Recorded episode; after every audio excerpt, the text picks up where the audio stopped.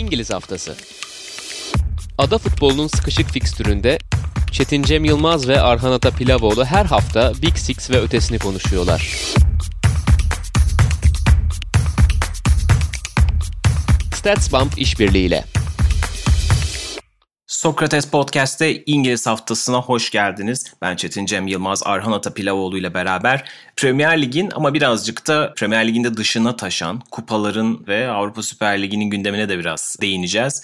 Kupa sezonu açıldı ve Guardiola ve Manchester City hep yaptığı gibi kupaları toplamaya başladı diyebiliriz. Carabao Cup'ı aldılar Tottenham karşısında. Tottenham çok uzun zamandır süren kupa serisini bitirmek istiyordu fakat Manchester City son 3 yıldır olduğu gibi yine Carabao Cup kazandı ve bu seriyi 4 seneye çıkartmış oldu. Guardiola'nın da kariyerindeki 30.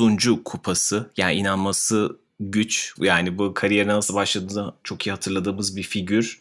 13 yıl içerisindeki 30. kupasına ulaştı. Bunlardan bahsedeceğiz. Daha sonra da bahsettiğim gibi futbolun fırtınalı haftasındaki Avrupa Süper Ligi gündemine de değineceğiz. Önce finalden başlayalım. Maçı nasıl buldun? Manchester City'yi nasıl buldun? Tottenham için de tabii ki konuşacağız ayrıca. Çünkü Jose Mourinho ile yeni bir dönem başlamış oldu bir anlamda onlar için de. Abi açıkçası Manchester City'nin en rahat oynadığı Six maçlarından birisiydi bence. Özellikle ilk 15 dakika tamamen sürklase edildi Tottenham sahadan.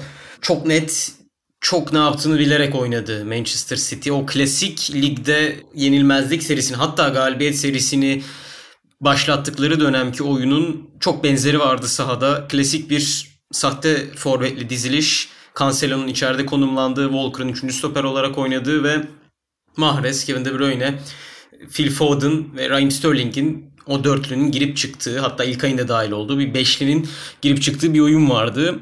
Ama Tottenham'ın ben bu kadar fazla geride, bu kadar fazla karşılama oyunu oynayacağını tahmin etmemiştim doğrusu. Çünkü ya evet bir değişiklik yapıldı. Tabii ki çok hızlı bir şekilde bazı şeyleri değiştirmeniz mümkün değil. Hele 29 yaşındaki bir teknik direktörseniz hatta teknik direktör de değil antrenörseniz diyeyim. Bunu çok hızlı şekilde çevirmeniz mümkün değil. Ancak yine de ben hani Mourinho'nun zıttı bir oyun göstererek farklı şeyler de yapılabileceğini gösterebileceğini düşünüyordum Ryan Mason'ın. En azından bir hedef olarak bunu belirleyebilirdi. Ya tamam gidip City'den topu almayalım ama bu kadar da kale önünde oynayalım düşüncesi bence çok doğru bir düşünce değildi. Ama tabii ki arka planda neler olduğunu hiçbirimiz bilmiyoruz. Muhtemelen çok daha farklı şeyler dönüyordur arka planlarda.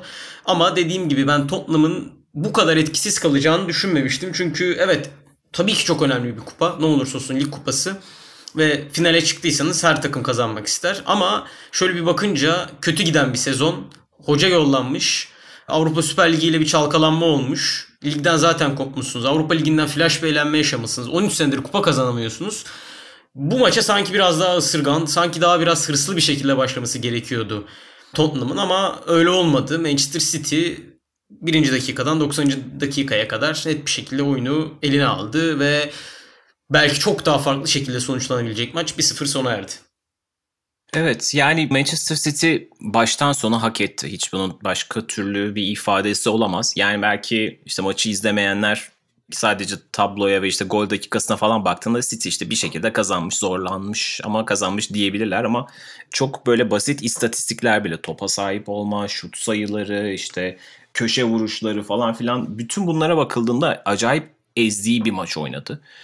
Dediğin gibi Tottenham kağıt üzerinde evet Manchester City yine favoriydi ama final maçlarının bu kadar fazla tek taraflı olması şaşırtıcı. Hele yani Manchester City Watford finali değil bu açıkçası. Yani Tottenham bahsettiğin gibi çok uzun zamandır kupa kazanamıyor ve kadrosunda da ligin en iyi oyuncularından birkaç tanesi var. Yani öyle çok bazı dönemler olur. Bazı takımlar çok böyle kötü yakalanırlar. Öyle de değil. Gayet hani iyi durumda da yakalanmıştı aslında Tottenham. Evet bazı işte Harry Kane mesela geçen hafta hafif bir sakatlık geçirdi. Yetişecek mi yetişmeyecek mi durumu vardı ama hani olay oralara bile gelmedi. Ve açıkçası yani ligde 3-0 bitmişti sanırım son karşılaşmaları. Ona benzer bir oyun vardı açıkçası. Yani Mourinho'lu Tottenham'ın gösterdiği oyun yine böyleydi. Fakat bu sefer yani bizim zaman zaman eleştirdiğimiz ya da kamuoyunda eleştirilen o edilgen görünen Tottenham, Jose Mourinho oyunlarını bile böyle mumla aratan bir Tottenham vardı açıkçası sahada. Çünkü evet işte baskıyı biraz emip daha sonra kontralarla çözüm üretmeye çalışan bunu zamanında Pochettino da yapmıştı. Pek çok takım bunu yapabilir. Yani Solskjaer de bunu yaptı dönem dönem. Klopp da yaptı olabilir. Fakat hücuma dair hiçbir şey gösterememek de birazcık fazla oldu yani. Tottenham adına çok kabul edilebilir bir tablo değildi bu. Yani koca maç boyunca sadece iki şut çekebilmek ve Tottenham'ın XG'si 0.1 bile değil. Yani onun da altında. Şeylerde yani 0.0'larda. E bütün bunları düşündüğümüzde yani bir final maçının böyle olmaması gerekiyordu. Tek enteresan hikaye şu olabilirdi. City çok fazla gol kaçırdı. Gerçekten yani City koparabileceği bir maçı koparamadı. Yani Tottenham çok iyi savunduğu için kritik kurtarışlar vardı. Birkaç tane kritik savunma müdahalesi de vardı bu arada. Sadece hani Loris'in çok önemli kurtarışları vardı ama savunma oyuncularının da gerçekten gayreti ve engellediği bazı şutlar vardı ama çok fazla da isabetsiz şut vardı. Yani çok kritik pozisyonları dışarı attı aslında City. Yani City çok erken koparabileceği, ilk yarıdan 2'yi 3'ü bulabileceği bir maçı son dakikalara bırakmış oldu aslında. Oriye'nin orada gereksiz bir faulü vardı ama işte oyun oralara gelmeyebilirdi bile. Bütün bunları düşününce bence de Tottenham'ın neden Jose Mourinho ile yolları bu hafta ayırdığı sorusu biraz bende şey oluyor. Yani oturmuyor. Yani bu skora göre konuşmak değil gerçekten yani. Eğer Mourinho ile ilgili bir problem varsa ki vardı. Mesela Dinamo Zagreb elenmesinden hemen sonra bu iş yapılabilirdi. Şimdi bazen teknik direktörlerle, yeni teknik direktörlerle anlaşmayı beklersiniz. Mesela Chelsea bunu yaptı.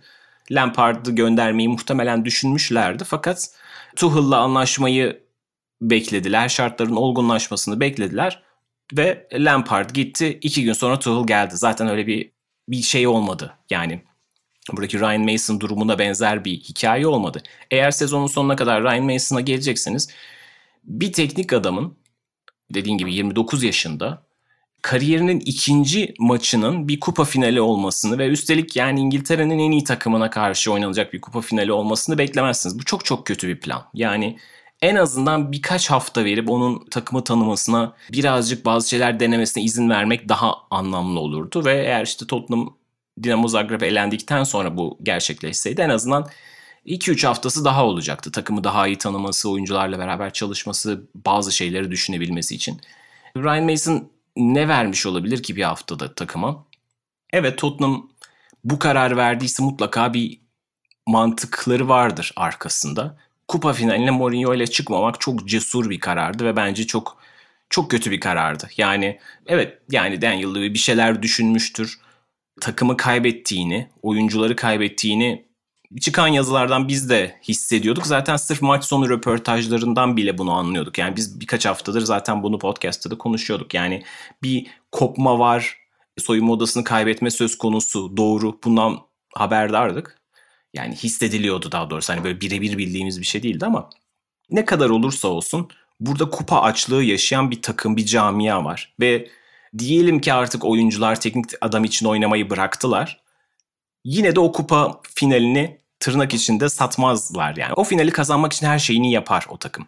Bugün maçtan sonra Harry Kane'in, Heung-Min Son'un gözyaşlarını gördük. Nasıl üzüldüklerini gördük. Bu, bu takım için gerçekten önemliydi. Ve sırf teknik adamla anlaşamadıkları için bu maça finale asılmayacakları gibi bir şey düşünülemez bile. Ve Jose Mourinho gibi bir teknik adamın tecrübesini, bir rakibe göre biçeceği oyun planını bu maçta kullanmalılardı diye düşünüyorum ben. Yani Tottenham her mesela Chelsea olsaydı bunu belki anlayabilirdim. Çünkü Chelsea iki senede bir mutlaka kupasını bir müze göt e, müze kupasına müze değil müzesine bir kupa götürebilen bir takım. Tottenham için bu çok nadir gelen bir şans. Bunca yıldır bunu bekliyorlar ve yani bu fırsatı çok kötü harcadıklarını düşünüyorum. Ha, yani Jose Mourinho ile çıksalar da yine kaybedebilirlerdi. Fakat kendi şanslarını belirgin ölçüde azaltmış olduklarını düşünüyorum ben. City aslında ayrıca konuşuruz. Madem Mourinho bahsine geldik. Bütün bu Avrupa Ligi, Avrupa Süper Ligi bahsinde çok enteresan şekilde araya kaynayan bir gündem oldu bu. Biraz Mourinho'nun aslında gidişini sana da sormak istiyorum. Hani ben de biraz dalmış oldum. Nasıl yorumluyorsun sen bu gidişi?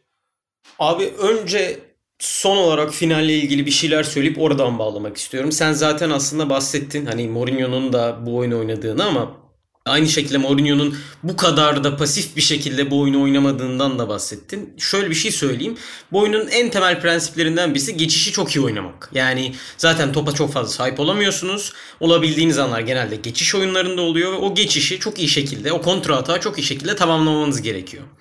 E, Tottenham'da bunu sene başından beri bir Liverpool, Enfield'daki Liverpool maçı hariç aşağı yukarı çoğu maçta yaptı. Bundan her zaman zaten sonuç alamazsınız. Sene başında alıyordu. Senenin ortalarına doğru alamamaya başladı. Bugün Tottenham o kadar uzun bir mesafe kat etmek zorunda kalıyordu ki geçişleri tamamlayabilmek için. Zaten etkili olması çok mümkün değildi. O kadar kale önünden alıyordu ki Lucas Moura, Heung-min Son ya da Harry Kane topu. O mesafeyi kat edene kadar Manchester City oyuncular zaten araya girip e, o Yugoslav faullerini bir şekilde yaparak oyunu soğutuyorlardı. Bu dediğin gibi aslında Jose Mourinho'nun çok daha farklı belki şekilde planlayacağı, kurgulayacağı ve sizi kupaya götürebilecek yollardan birisi olabilirdi. Ve bu ayrılış sürecine gelecek olursak da biz All or Nothing'de pek çok kez bunu duyduk. Zaten Mourinho da bunu Manchester United'da işler kötü gittiği günden beri söylüyor. Ben gittiğim her takımda kupa kazandım diyor. Bu Tottenham'da gerçekleşmedi ama muhtemelen de gerçekleşecekti. Daniel Levy de getirirken her gittiği takımda kupa kazanan bir adamı getiriyoruz şeklinde açıklamaları vardı. Yani aslında o sene Pochettino'dan sonra bir şekilde biz bir kupa kazanabilir miyiz diye muhtemelen getirilen bir isim de Jose Mourinho. Siz gidip kupa finaline 2-3 gün kala böyle bir karar alıyorsanız ki sizi kupa finaline kadar getirmiş ve muhtemelen kazanması da yüksek bir isim Mourinho. Çünkü finalleri gerçekten iyi oynayan ve ne yapıp ne edip o sezon kötü de gidiyorsa Manchester United örneğinde gördüğünüz gibi Avrupa Ligi'nde nasıl kazandıysa orada da yani gerekirse gerçekten otobüsün tamamını çekip bir duran topla da olsa o maçı kazandırabilen bir isim. Bunu pek çok kez yaptı. Hem ligde hem kupalarda. O yüzden böyle bir kararı bu zamanlamayla almak benim pek aklımın yattığı noktalardan birisi değil. Ya diyelim ki Ryan Mason kupayı kazandı. Mükemmel de bir sene sonu yaptı. E siz Ryan Mason'a zaten devam etmeyeceksiniz ki. Yani 29 yaşındaki bir antrenöre mi emanet edeceksiniz takım? Muhtemelen etmeyeceksiniz. Yani nereden bakarsanız bakın Mourinho'nun gönderilmesi evet dediğin gibi abi Dinamo Zagreb maçlarından sonra gönderilseydi ya da işler kötü gittiği bir lig maçından sonra gönderilseydi örneğin United mağlubiyetinden sonra en azından bir çerçeve oturtabilirdiniz. Ama bu şekilde gönderilmesi benim de pek aklımın aldığı bir şey değil. Evet oyuncularıyla arası kötüydü doğru ama mesela United'dan ayrıldıktan sonra hatırlıyoruz. Pogba'nın attığı bir tweet vardı. Yani iyi ki gönderildi şeklinde. Tam olarak hatırlamıyorum ne attığını ama mesela Spurs'lu oyuncular Harry Kane ben çok şaşırdım diyor. Tweet attı. Hegminson Instagram'dan fotoğraf paylaştı. Reguilon aynı şekilde. Eric Dyer aynı şekilde. Yani evet muhtemelen araları mükemmel değildi. Ya bunu yapmaları da araların harika olduğuna bir gösterge değil doğru. Ama dediğin gibi abi ya bu kupa finalinde de Mourinho oyuncularını bir şekilde maça inandırıp, kupaya inandırıp bu kupayı eve getirebilirdi. Yani 13 senelik hasreti bence bitirebilmeleri için mükemmel bir fırsattı bu ve bence bunu elleriyle ittiler. Yani Tottenham yönetimi bunu elleriyle itti. Dediğin gibi kesinlikle arkada bir plan vardır, bir proje vardır, bir düşüncenin ürünüdür bu. Ama nasıl bir plan var onu ben çözebilmiş değilim. Tek aklıma yatan formülü söyleyeceğim.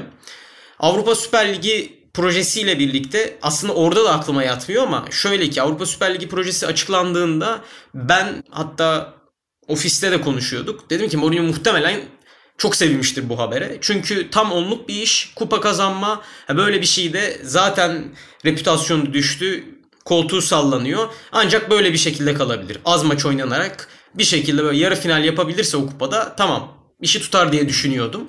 Ama sonradan Zaten açıklandı çok fazla maç oynanacağı söylenmişti. Ya ben dediğim gibi Avrupa Süper Ligi Tottenham böylesine popüler bir ismi bulamaz. Böylesine kupa kazanmış bir ismi bulamaz. O yüzden herhalde Mourinho'yu tutarlar diye düşünüyordum. Ben bu cümleyi kurduktan bir 3 saat sonra Mourinho'nun ayrılık haberi geldi. İşte dediğim gibi oraya bağlayacağım. Tek kafama yatan nokta Avrupa Süper Ligi'nden gelen parayla 40 milyon euroluk tazminatı bir şekilde karşılayabileceklerini düşündüler belki. Çünkü çok yüksek bir meblağ. Hani yolları ayırmak istiyorlarsa bir yerden bir para girişi olsun ki ya biz yollarımızı ayıralım Mourinho ile diye düşündüler diye düşünüyorum. Ya yani benim tek kafamda raya oturan nokta bu. Ya sene sonunda ayrılabilirlerdi yolları. Hiç sıkıntı değil. Bu anormalde bir durum yok burada. Ama kupa finaline 3-4 gün kala bu yollar ayrılıyorsa Benim aklım biraz işte dediğim gibi ya tek mantıklı bir açıklamaya bu çerçevede oturtabiliyorum. Çok büyük paralar gelecek zaten. 40 milyon euroyu e, bu şekilde biz kompanse ederiz. Yani ayak bastı parası bile çok yüksek söyleniyordu Avrupa Süper Ligi'nde. Ona güvenerek mi kendisini yolladılar bilmiyorum ama dediğim gibi o 13 senelik hasreti bitirebilmek için çok güzel bir şans vardı ellerinde. Hem Mourinho adına tekrardan muhtemelen bunu çok güzel allayıp pullayacaktı. Bakın geldim yine kupa kazandım. Hani lig kupası evet Tottenham'ın birinci önceliği değil elbette ama yine yaptım yapacağımı diyecekti. Hem de Tottenham 13 senelik hasretine son verecekti. Bu fırsatı Tottenham elleriyle itti bence. Evet yani ben de bunun üzerine tabii bu karışık gündemde çok aşırı üzerine düşünemedim ama düşüncelerimden bir tanesi acaba dedim hani bu Mourinho ile anlaşmanın içerisinde bir tane kupa bonusu vardı da ondan mı kaçmak istedi falan gibi şeyler bile düşündüm. Kafamda kurdum ama tabii tazminatı o kadar yüklü ki yani o herhalde kupa bonusu onun yanında devede kulak kalıyordur. Dolayısıyla o da çok mantıklı durmuyor. Yani neresinden düşündüysem benim de hani nereden tutsam elimde kalan bir karardı bu. Yani saha içerisinde de işte hani Brian Mason belki ileride iyi bir hoca olabilir, iyi bir lider olabilir. Fakat onu ikinci maçtan böyle bir arenanın ortasına atmak da çok onun için de adil değil. Ve bahsettiğin gibi yani Mourinho'nun bu sene iyi oynadığı bazı işte geçiş hücumunu iyi gerçekleştirdiği kaybetmişlerdi ama Liverpool maçı buna örnekti. Gerçekten Liverpool o maçı 94. dakikada mı 95'te işte Firmino'nun kafasıyla kazandı. Ama aslında oyun anlamında Mourinho istediklerini büyük ölçüde almıştı. Hep onu konuşmuştuk. Hani kim hak etti, kim hak etmedi tartışması o gün de dönmüştü. Hani Bergwijn'in kaçırdığı goller vardı. En azından orada bir plan vardı. O gün de Liverpool topla daha fazla oynayan taraftı. Arsenal maçında benzer hikayeler yaptı. Bunları çıkartabildi. Bu sonuçları alabilmişti.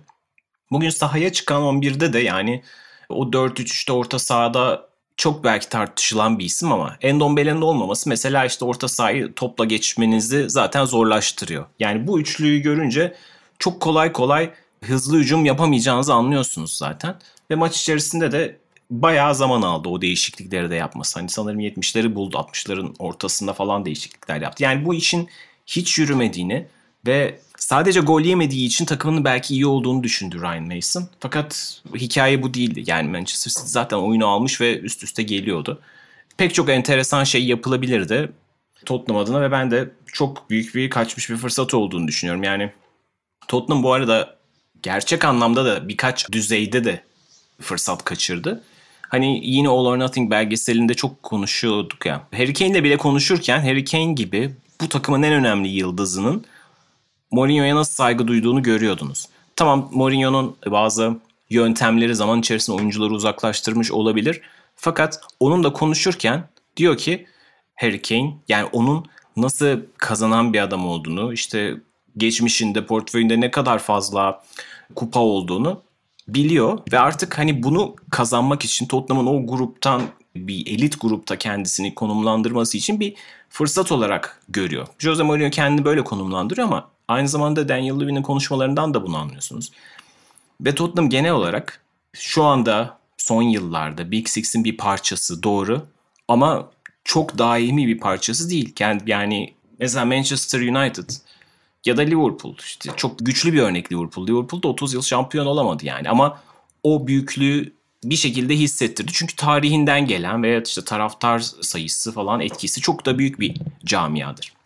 Bunu mesela şu anda Arsenal da yaşıyor. Arsenal da belki vasatlaşma evresinde. Fakat Arsenal'ın yine gücünü, büyüklüğünü, etkisini hissedersiniz. Tottenham bu altılının aslında hani altıncı parçası ve her an düşebilir. Yani 3-5 seneye bakar. Yani bu kayda değer bir başarı sergileyemezlerse ve şu anda ellerindeki kadrodan Harry Kane'i ve Önmin kaybetme riskleri var. Bu ikiliyi kaybettikleri anda yani iş çok başka bir yere gelir.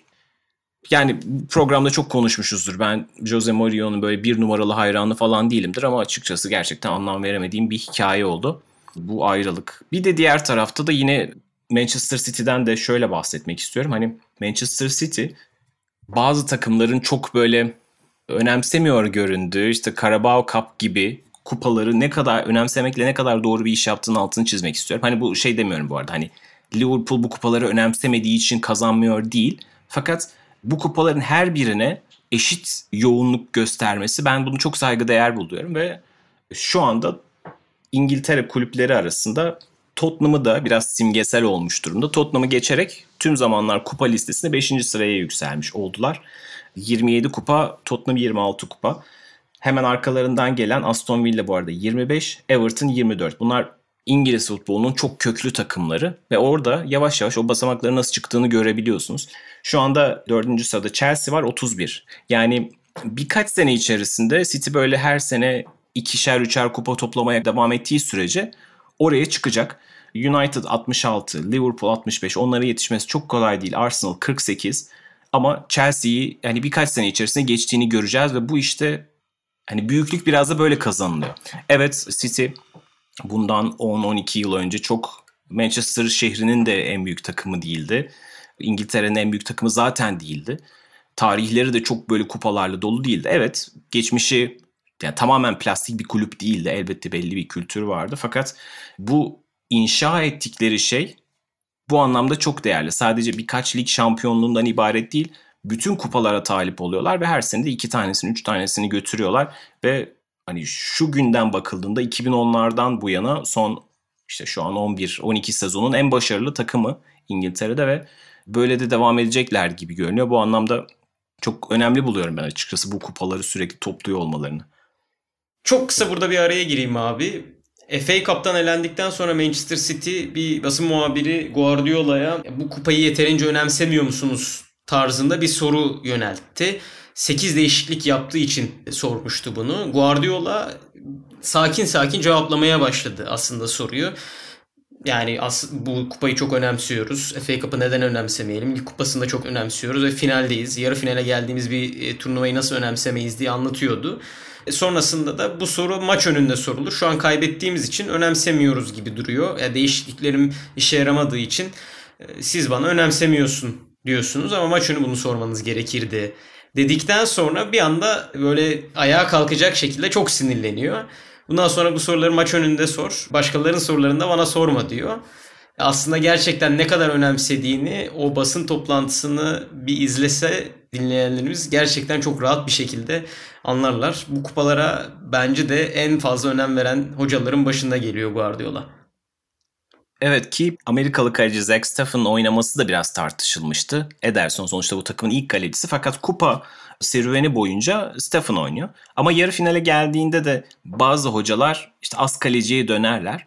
Geçen hafta o karar tartışılmıştı. Steffen'ın hani özellikle golde hatalı değildi ama birazcık da tartışılmıştı.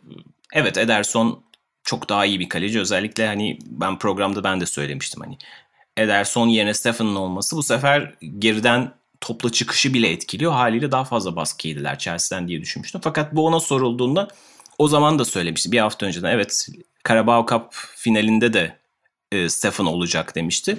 Yani tam olarak o cümleyi bu arada bulamadım. Öyle bir cümleyi ifadeyi Twitter'da görmüştüm de şuna benzer de bir şeyler söyledi söylemiş daha doğrusu. Yani gerekirse bir final kaybedilir ama hani takımı kaybetmektense bunu tercih ederim gibi bir anlama gelen bir şeyler söylediği yazılıyordu. Zaten bu da onu gösteriyor. Yani geçen hafta ki performansından sonra bu hafta tekrar Ederson'a dönebilirdi bu arada. Ve belki de yine de finali kaybedebilirdi. Çok eleştirilirdi ama bu kararın arkasında durması bence çok saygıdeğer.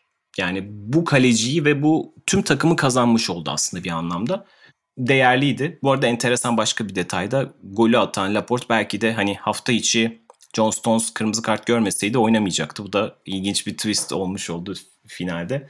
Çok keyifli bir maçtı bu arada. Hani 1-0 bitti ve tahminimden çok daha eğlenceli, keyifli bir maç oldu. Belki golün geç gelmesi bunu sağladı fakat City'nin oyunu gerçekten çok görkemliydi ve hak edilmiş bir şampiyonluk oldu. Bu arada abi taraftarların etkisinden de bahsedebiliriz sanki. Yani e, benim çok hoşuma gitti yani. Evet taraftarlı maç koronavirüs süresinde izledik Almanya'da, Fransa'da ama nedense tekrardan geri dönüş İngiltere'de ya İngiltere'de de izledik hatta Premier Lig'de ama o kupa o Wembley'nin o güneşli havası genellikle hep bir de kupa finalleri zaten mevsim gereği güneşli oluyor. Çok hoşuma gitti benim açıkçası tekrardan taraftarlı bir şekilde bir kupa finali, bir özel maçı izlemek. Evet çok iyi oldu değindiğin. Tam zaten bu hafta boyunca e, Avrupa Süper Ligi tartışmaları üzerinden taraftarsızlık üzerine düşünme fırsatımız da oldu.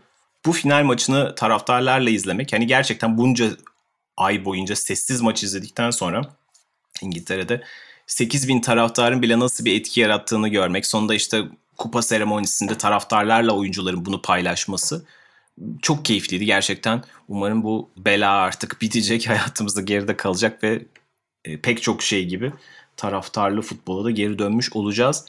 Artık buradan da herhalde pası gündemin diğer sıcak konusu. Aslında biraz da soğudu ama e, Avrupa Süper Ligi'ne atabiliriz. Yani artık nereden tutacağımı da bilmiyorum çünkü biz programı kaydederken bir kaynamaya başlamıştı geçtiğimiz hafta ve 48 saat içerisinde o kadar fazla şey gerçekleşti ki biz programı hep konuştuğumuz WhatsApp grubunda işte Cem Pek Doğru'nun da olduğu yani bizim kaydettiğimiz program Premier Lig takımlarının Avrupa serüvenini falan konuştuğumuz program sadece bir günlük olmasına rağmen sanki 3 ay önce kaydedilmiş gibiydi. Öylesine bir bilgi bombardımanı, öylesine bir demeç bombardımanı ve yeni gelişmeler yaşandı ki pazar gecesi, pazartesi ve salı içerisinde bizim tüm konuşmalarımız böyle biraz eskidi gibi oldu.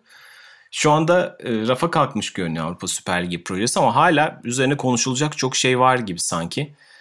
Neresinden girelim gerçekten zorlanıyorum bunu konuşmakta ama yine de bir konuşmakta fayda var. Özellikle Chelsea'nin, Chelsea taraftarlarının Brighton maçı öncesi protestosu çok etkileyiciydi veya eğer hani kulüpler bu kadar çabuk geri adım atmasaydı belki bu hafta sonu işte bunu benzer şeyi Liverpool'da, Manchester United'da, Arsenal'da da görecektik.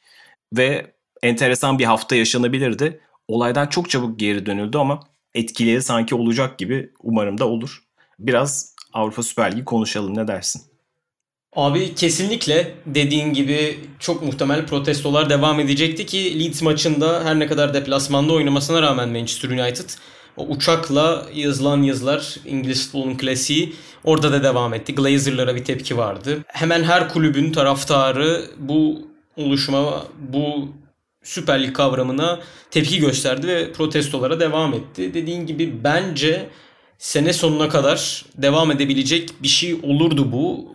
Ve Chelsea taraftarının yani amiyane tabirle sokağa inerek bir protesto gerçekleştirmesi çok değerliydi. Liverpool taraftarları ilk sanırım tepkiyi gösteren onlar oldu. Stat önüne gidip pankart asarak ama bir anda bu kadar kalabalığın toplanması yani kulüp efsanesiyle birlikte taraftarların tartışması, Peter Shea taraftarları sakinleştirmek, yatıştırmak için oraya gitmesi ve karar açıklanana kadar taraftarların Stamford Bridge etrafında Londra'da toplanması gerçekten etkileyici bir şey. Yani tüm futbolun paydaşlarının hani kulüpler hariç bu olaya tepki göstermesi başta ilk fitili yakan Gary Neville ve yorumcular, eski futbolcular olmak üzere bence değerli bir şeydi. Çünkü hemen her şeyde bu kadar fazla ayrılan artık aykırı görüşe tahammülü kalmayan bir dünyada yaşadığımızı da düşününce futbolun pek çok paydaşının bir araya gelebilmesi belli birkaç kişi hatta kişi bile diyebiliriz gerçekten kulüpleri de dışarıda bırakabiliriz çünkü her oyuncu, her teknik adam bizim haberimiz yoktu dedi. Çıktıkları her basın toplantısına. E, Tuhel ben dün öğrendim dedi. Klopp keza açıklamadan 10 dakika önce öğrendim diyen var. O yüzden birkaç kişi hariç gerçekten herkesin ortak paydada buluşabildiği değerli bir şeydi ve birlikten hani güç doğar cümlesinin gerçekten kanıtı oldu diyebiliriz sanki. Evet bu çok değerliydi. Yani bahsettiğin gibi artık özellikle futbol söz konusu olduğunda sosyal medyanın da etkisiyle belki o çok hani tribalist diyorlar genelde. Daha böyle kabileci bir yaklaşım var yani. Ya bizdensin ya onlardan. Dolayısıyla hani bizim kulübün duruşu budur. O zaman sen biz sana düşmanız falan filan şeklinde yaklaşılır hep.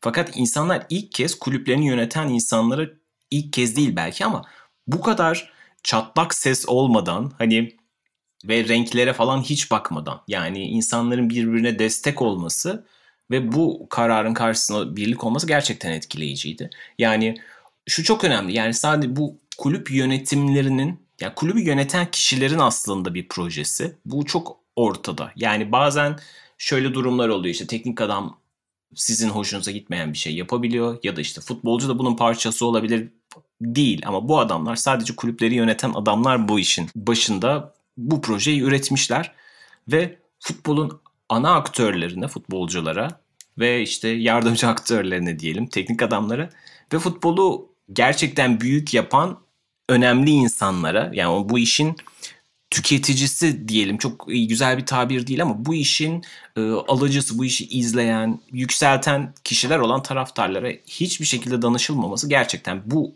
sürecin masa başında tartışılması ve uygulanması çok acayipti ve hak ettiği şekilde de hemen tepkisini buldu. Futbol tabii ki kusursuz değil. Çok fazla düzeltilecek yanı var.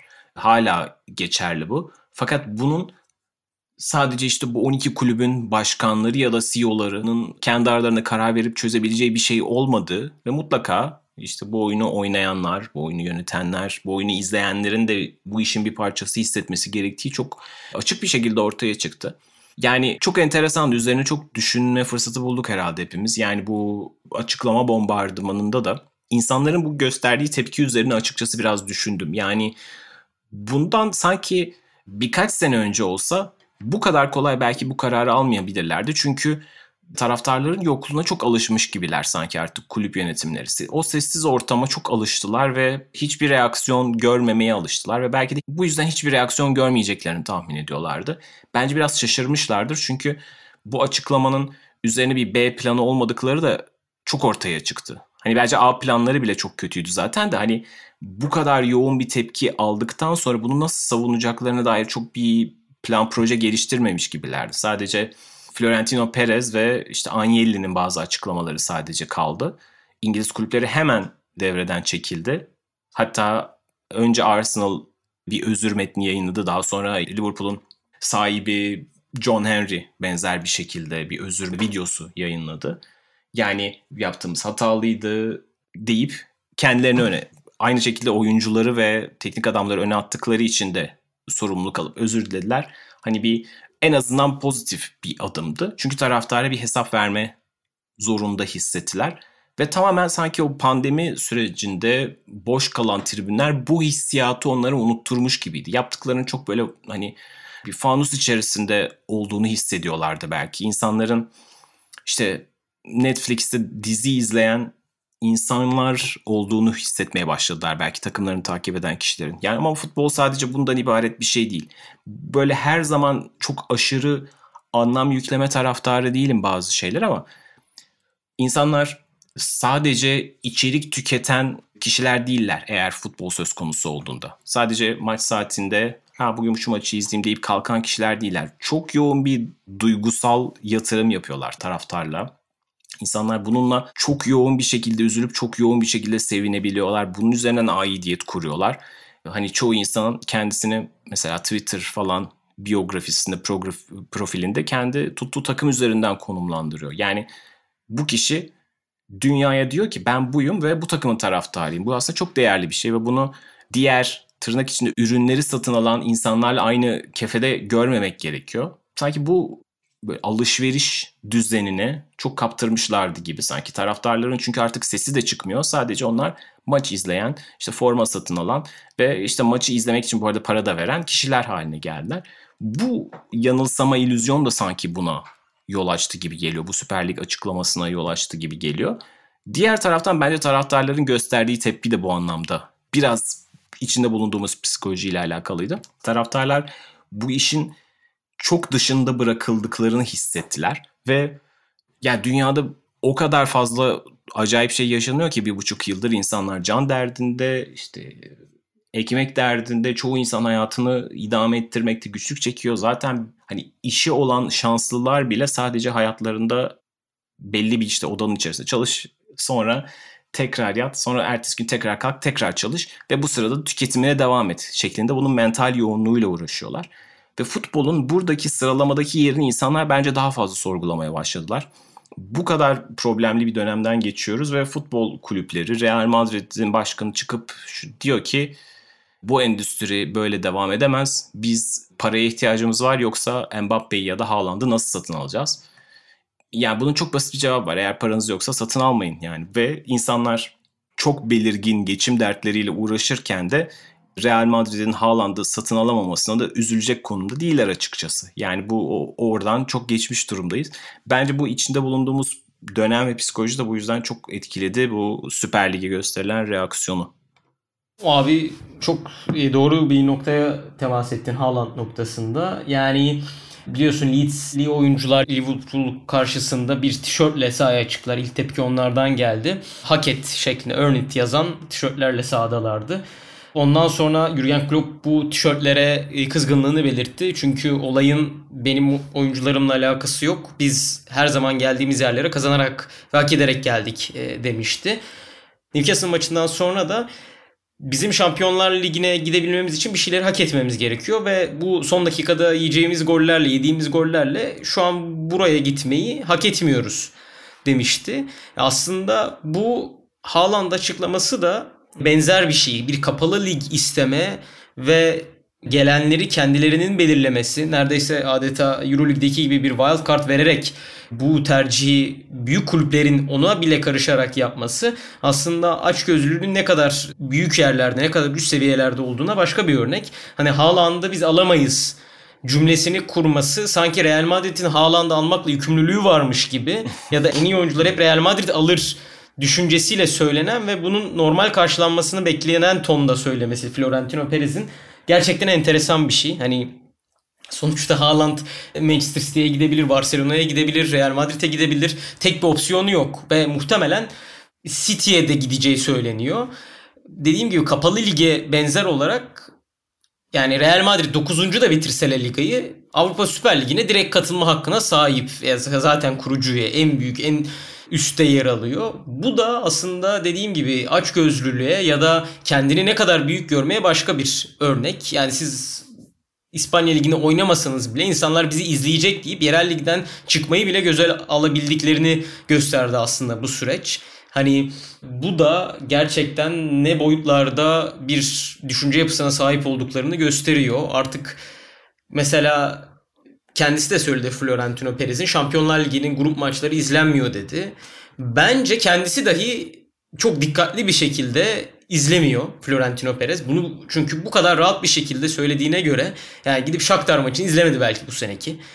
O da gerçekten şaşırtıcı bir durum. Bir ekleme daha yapayım abi. Hani zaten sağ dışında olanları e, konuştuk.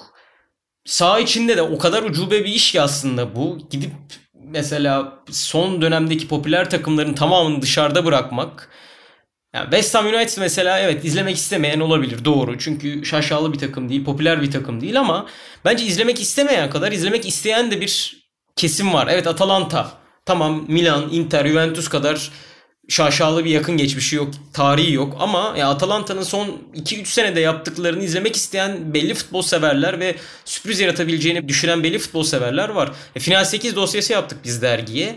Önder Özen'in şampiyonluk adayı olmasa da final adaylarından birisi mesela Atalanta'ydı. Emre Özcan aynı şekilde. Emre abi de benzer bir düşünce yapısına sahipti. Yani bu sürprizi yapabileceğini düşündüğünüz takımların hepsini ya siz buraya ait değilsiniz. Çünkü niye paranız yok? Niye? Çünkü şaşalı değilsiniz. Çok fazla taraftarınız yok ve sizi izlemek isteyen insanlar yok diyerek bir aslında bence bu bir yalan söylemenin başka bir yolu. Çünkü o takımları izlemek isteyen insanlar bence var. Ve o takımların sürpriz yaratabilme ihtimali de gayet yüksek. Ajax'ın da Tottenham'ın da. Tottenham'ın final oynayacağını kimse düşünmüyordu. Ajax'ın yarı final oynayacağını kimse düşünmüyordu. Leipzig'in yarı final oynayacağını kimse düşünmüyordu. Ama bu takımlar yarı final oynadılar. Ve bu takımlar süper takımlar değiller. Onların tanımına göre. Demek ki gerçekten sürprizler olabiliyor. Aslında bunu da bir şekilde önlemenin yolu tabii ki e, kapalı bir lig yapmak. Siz onları almazsanız eleneceğiniz takımlar da sürpriz olmaktan çıkıyor. Yani gidip Ajax'a elenmek sürpriz bir şey. Porto'ya elenmek sürpriz bir şey. E, Lyon'a elenmek sürpriz bir şey ama gidip Liverpool'a elenmek sürpriz değil Real Madrid için ya da Juventus için ya da Manchester City'ye elenmek sürpriz değil. Aslında onun da biraz önüne alabilecek bir projeydi. Ne mutlu ki bunların hiçbirisi yaşanmadan tamamlandı bu süreç. Evet bu arada Premier Lig'in geride kalan 14 kulübü de hem e, sanırım pazartesi günüydü. Çok hani olağanüstü toplandı ve eğer bu takımların ayrılması halinde bu Süper Lig'in kurulması halinde yapacaklarını konuştular. Daha sonra da oradan sızan bazı e, açıklamalara göre bundan sonra böyle bir şeyin yaşanmasını engelleyen işte çok ciddi cezalar ligden düşürülme gibi cezaların ortaya çıkacağı konuşuluyor. Yani Premier Lig'in de kendisini koruması gerekiyor. Çünkü gerçekten şu anda bu sezon Premier Lig'in tadı tuzu e, West Ham yani ve aynı şekilde Leicester City'nin kendisini bu iki takımın ilk dörtte olması. Şimdi bu iki takım ilk dörtte olduğu anda o süper altılının 4 tanesi dışarıda kalmış olacak. Şu anki tabloda da zaten en iyi ihtimalle onların 3'ü dışarıda kalmış oluyor. Yani Leeds United'lı oyuncuların giydikleri tişörtler hiç haksız değil. Onu belki Klopp kişisel aldığı için üzülmüş olabilir doğru ama ana fikir o ki zaten Klopp da maç öncesi e, konuşmasında da benzer bir şey söyledi. Hani ben West Ham'ın Şampiyonlar Ligi'ne gidebilme ihtimalini sevdim dedi bir yandan. E tabii ki ben kişisel olarak bunu engellemeye çalışıyorum. West Ham'ın gitmesini istemiyorum takımım adına fakat gidebilmesi güzel bir şey futbol adına dedi ve eğer bu kapatılmış olsa Premier Lig dünyanın en çok ilgi gören domestik ligi anlamını yitirmiş olacaktı. Haliyle Premier Lig'de kendisini korumak adına adımları atıyordu ki herhalde bunun üzerine Big Six tayfası hemen aklında başına topladı. Taraftar tepkisinin yanında diğer kulüplerin de tepkisiyle beraber geri adım atmış oldular. Tabii ki futbol çok kusursuz değil. Şu anda da güçlüler ve güçsüzler arası çok büyük bir dengesizlik var. Yani tartışılacak çok fazla şey var aslında. Çünkü e, bir takım hala yıldızlarını bir iki sene içerisinde kaybetme riski var mesela orta sınıf takımlarında. Dolayısıyla bu senenin parlayan oyuncuları hemen kendilerini işte Almanya'da Bayern Münih'te işte e, İspanya'da Barcelona, Real Madrid'de ya da İngiltere'de bu Big Six'te buluyorlar. Haliyle o takımların üstte kalması da çok kolay olmuyor. Yani bu rekabetin ölmesi sadece Süper Lig'de başlayıp biten bir durum değil. Doğru. Ama umarım bu tartışmalar biraz oraları da getirir. Çok emin olmasam da en azından futboldaki bu güç dengesizliğini birazcık limitleyecek adımların atıldığında görürüz bu başlayan tartışmalar sonucu. Doğal sayılar Programın sonlarına doğru yavaştan doğal sayıları da geçelim. Bu hafta biraz futbol sahası içinde çok kalamadık ama gündem çok yoğundu. Biraz saha içine dönelim. StatsBomb istatistikleriyle bu hafta doğal sayılarda ne var? Abi bu haftanın konuğu Leeds United. StatsBomb istatistiklerinden aldığım birkaç veriyi paylaşacağım. E, StatsBomb'un özel bir verisi var. Deep Progression adında. Bunu zaten programda pek çok kez dile getirdim ne olduğunu. Bir daha hatırlatayım. Üçüncü bölgeye pasla, driblingle ya da top taşımayla ne kadar çok girdiğinizi gösteriyor maç başına. Ve Leeds United bu veride lig altıncısı. 45 kez rakip üçüncü bölgeye dediğim gibi pasla, top taşımayla ya da driblingle girebilen bir takım. Premier Lig'de 6. sırada burada. Fakat Leeds United'ın son dönemlerde özellikle oyununu biraz bazı maçlarda değiştirdiğini görüyoruz. Burnley maçında bunu gösterdi. Big Six'e karşı bunu gösteriyor. Özellikle Manchester City maçını hatırlayacağız. 10 kişi kaldıktan sonra oynadığı oyun hatta 11-11 iken bile çok fazla pres yapmadığı, çok fazla baskı yapmadığı, alışkın olduğumuz Leeds'ten biraz uzak bir oyun vardı. Bunu aslında genel bir paterne yaydı Marcelo Bielsa ve oyununu hani beklemediğim bir şeydi aslında benim. Hani bunu konuşmuştuk da Premier Lig için fazla saf mı hani değiştirir mi oyununu diyorduk.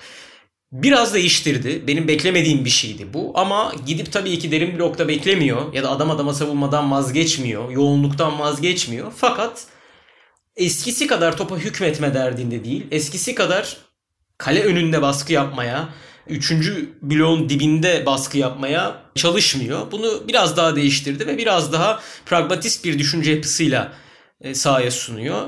Ben de bunu sayılara yansımasına baktım. Şöyle ki son 6 maçta Leeds United Chelsea ile Manchester City ile Liverpool'la ve Manchester United'la oynadı. Ve o maçlardaki deep progression sayısına baktım. Yani aslında 3. bölgeye ne kadar fazla oyunu yığabildiği ile alakalı bir veri anlattığım gibi. Ortalaması 45 Leeds United'ın. Chelsea maçında 26. Bu veri Manchester City maçında 25 ve Liverpool maçında 33 ki Liverpool maçının ikinci yarısında yine o eski Leeds oyununa benzer nüanslar vardı, sekanslar vardı. Dediğim gibi Chelsea ve Manchester City maçlarında neredeyse yarısı bu veri. Bu da oyununun gerçekten nasıl değiştiğine dair bence güzel bir örnek. E, Leeds United Big Six'e karşı ve hatta bazı maçlarda topu çok fazla hükmettiğinde sıkıntı yaşadığı rakiplerine karşı örneğin Burnley oyununu biraz daha değiştirdi. Biraz daha temkinli, biraz daha orta blokta kendi yarı sahasında bekleyen ve topla çok fazla haşır neşir olmayan gerektiğinde kontraları düşünen bir takım haline geldi. Buna ek olarak son şöyle bir ekleme yapacağım abi. Yine Robin Koch'u aldı Marcelo Bielsa. E, Paul Pogba tehdidine karşı. Onu birebir de oynatarak kontra atak silahlarını biraz daha ileride tutmaya çalıştı. Poveda'yı, Heller Costa'yı ve Patrick Bamford'ı. Bu gerçekten yine patern olduğuna başka bir örnek dediğim gibi. Çünkü bu Manchester City maçında da yaşanmıştı. Ondan önce sanırım Chelsea maçında da yaşanmıştı. Yani 60-65'e kadar, 70'e kadar oyunu biraz tutup Robin Koho oyunu alıyor. Tyler Roberts'ı çıkartıyor. Stuart Dallas sağ atıyor. Ve bir nevi ya üçlü savunmaya dönüyor ya da 4-2-3-1'e dönerek kontra silahlarını biraz daha alevlendiriyor diyebilirim. Gerçekten benim biraz şaşırdığım ama Marcelo Bielsa'nın gerçekten pragmatist düşünerek çok da iyi sonuç aldığı bir oyun yapısı oluşmaya başladı Leeds United'da. Evet çok formda bir dönemden geçiyorlar. Belki e, bütün tartışmalar arasında biraz gölgede kaldı ama 6 e, maçtır yenilmiyorlar ve yenilmedikleri takımlar arasında ve yendikleri takımlar arasında da ligin en flash takımlarından 4'ü var. Bir sezon sonuna doğru Leeds United'ın Avrupa macerası, Avrupa kupalarına katılma ihtimali de belirdi. Dolayısıyla bu da takip edeceğimiz şeylerden bir tanesi olacak. Günlerin köpüğü. Programın sonunda günlerin köpüğünde bu hafta İngiliz kulüplerinin, Premier Lig kulüplerinin açıkladığı bir sosyal medya boykotu var. Oyuncuların özellikle ırkçı ama genel olarak tüm sosyal medyadan tüm yaşadıkları tacizlere karşı sosyal medya şirketlerinin hiçbir şey yapmamasına dair, yapmamasına tepki olarak 30 Nisan 3 Mayıs arasında Premier Lig ve Premier Lig kulüpleri resmi hesapları sosyal medya hesaplarını donduracak. Bunu sezon içerisinde programımızda birkaç kez konuşmuştuk aslında. Yani sosyal medya devlerinin bu konuda gerçekten çok yavaş kaldığını, bu konuda hiç doğru düzgün bir reaksiyon almadığını görüyoruz. Bir oyuncu özellikle de siyah bir oyuncu kötü bir performans sergilediğinde anında sosyal medyadan çok ağır tepkilere maruz kalıyor. Ve bu gerçekten sanki hiç önlenmesi imkansız bir şeymiş gibi görülüyor. Fakat siz bir Premier Lig maçının bir golünü sosyal medya hesabınıza yüklesiniz. Yani onun kaldırılması bir 15-20 dakika falan alır. Ve bu sadece hani herhangi bir kişi için değil. Bunu bu sezon ya Gary Lineker ya Alan Shearer yaşamıştı. Arkasında televizyon açıkken bir sadece video atıyor. Yani golün kendisini de göstermiyor falan. Bundan dolayı tweet'i kaldırılabiliyor. Fakat insanlar yani insanlar da demek istemiyorum, troll de demek istemiyorum ama bazı figürler, karakterler insanlara işte ırkçı saldırılar, bazen işte kadın futbolcular söz konusu olduğunda cinsiyetçi saldırılar ya da yabancı futbolcular olduğunda bu Arap futbolcular için de geçerli olabiliyor. Hatta işte Fransız Neil Maupay da benzer bir saldırılara maruz kaldığını söylemişti. Herhangi bir taraftan yani nefret söylemi içeren saldırılara maruz kalabiliyor pek çok futbolcu ve sosyal medya şirketleri bu konuda çok atıl. Bu anlamda ben bunu çok dikkate değer buluyorum. Geçtiğimiz haftalarda bunu Jordan Henderson şöyle yaptı. Buna tepki çekmek adına sosyal medya hesabını cyberbullying'e karşı çalışan bir örgüte devretti. Ve birkaç gün boyunca ya da bir hafta boyunca sanırım onun hesabından buna dair içerikler paylaşıldı. Fakat bu e, güzel bir çabaydı ama yeterli değildi. Bence bu tip hamlelerin gerisinin gelmesi gerekiyor. Geçen ay bu arada Thierry Henry benzer bir şekilde sosyal medya hesabını kapattı. Aynı sebepten. Bu tepki sosyal medya için en değerli şeylerden bir tanesi. Kulüp hesapları, futbolcu hesapları. Çünkü burada bu önemli figürlerin değer yarattığını görüyoruz ve muhtemelen Facebook, Instagram ve Twitter'ın daha aktif rol almasına, tavır almasına sebep olacaktır diye umuyorum. Çok dikkate değer ve önemli bir hareket. Bu hafta sonu neden Premier Lig ve tuttuğunuz Premier Lig takımı hesabı tweet atmıyor falan derseniz sebebi bu olacak. Abi bence de çok değerli bir şey. Çünkü siber zorbalık gerçekten günümüzde zorbalığı da geçmiş durumda bence. Çok uzun tutmayacağım. Benim en çok etkilendiğim yani daha doğrusu oyuncuların etkilendiği ve benim en çok üzüldüğüm noktalardan birisi oyuncuların kazandıkları paradan dolayı ya da yaşadıkları hayattan dolayı bunları duymasının onlar için problem olmayacağını düşünülmesi ya da sadece onların canını acıtmak için bu tarz açıklamalar yapılması. Bence gerçekten oyuncuların hayatlarını, oyuncuların formlarını, oyuncuların antrenman yapış şekillerini vesaire o gününü etkilemese bile birkaç saatini etkilemesi dahi yok bir sebepten çok kötü bir şey. Yani çünkü dünyada hiçbir meslek grubu herhalde yoktur ki ya işini o gün kötü yaptı diye pek çok farklı tacize, hakarete uğrasın. Bundan birkaç ay önce Ben Leno böyle bir açıklama yapmıştı. Ekran görüntüleri paylaşmıştı. Hatalı gol yediği bir maçtan sonra şeyden aklıma geldi bu arada. Yine hatalı bir gol yedi bu hafta içerisinde. Dedim herhalde yine ge- gelecektir. Robert Enke gibi sonun olsun. Çocukların ölsün vesaireye kadar taşabilecek açıklamalar yapılıyor ve bence bunları yapan insanlar gerçekten çok fazla umursamadıklarını düşünüyorlar. Yoksa umursadıklarını düşünseler herhalde bu kadar kötü şeyler söyleyeceklerini tahmin etmiyorum. Ama bence gerçekten oyuncular çok önemsiyor ve hani her insan takmıyorum dese de bence bir yerde takıyordur, aklına takılıyordur ve düşünüyordur. Ve dediğim gibi bir gün onu düşünmesi değil. 15-20 dakika bile böyle bir şey düşünmesi ve moralinin bozulması, hayatın etkilenmesi çok çok kötü bir şey. Dediğim gibi dünyada hiçbir meslek grubu yoktur ki ya hiçbir örneğin öğretmen dersi o gün o sadece o dersi kötü anlattı diye işte hayatı bu kadar karartılsın. Bir doktorlar var ne yazık ki. Bir de sanırım futbolcular. Gerçekten çok sıkıntı yaşıyorlar bu noktalarda. Daha doğrusu sporcular. Umarım bu siber zorbalık gerçekten önemli bir konu ve kulüplerin aksiyon alacağı bir konu olarak hayatımızda yer almaya başlar. Evet kesinlikle önemli ve umarım etkilerini de görürüz. Bizden bu haftalık bu kadar İngiliz haftasının sonuna gelmiş bulunuyoruz. Dinlediğiniz için çok teşekkürler. Yeniden görüşmek üzere. Hoşçakalın. Hoşçakalın.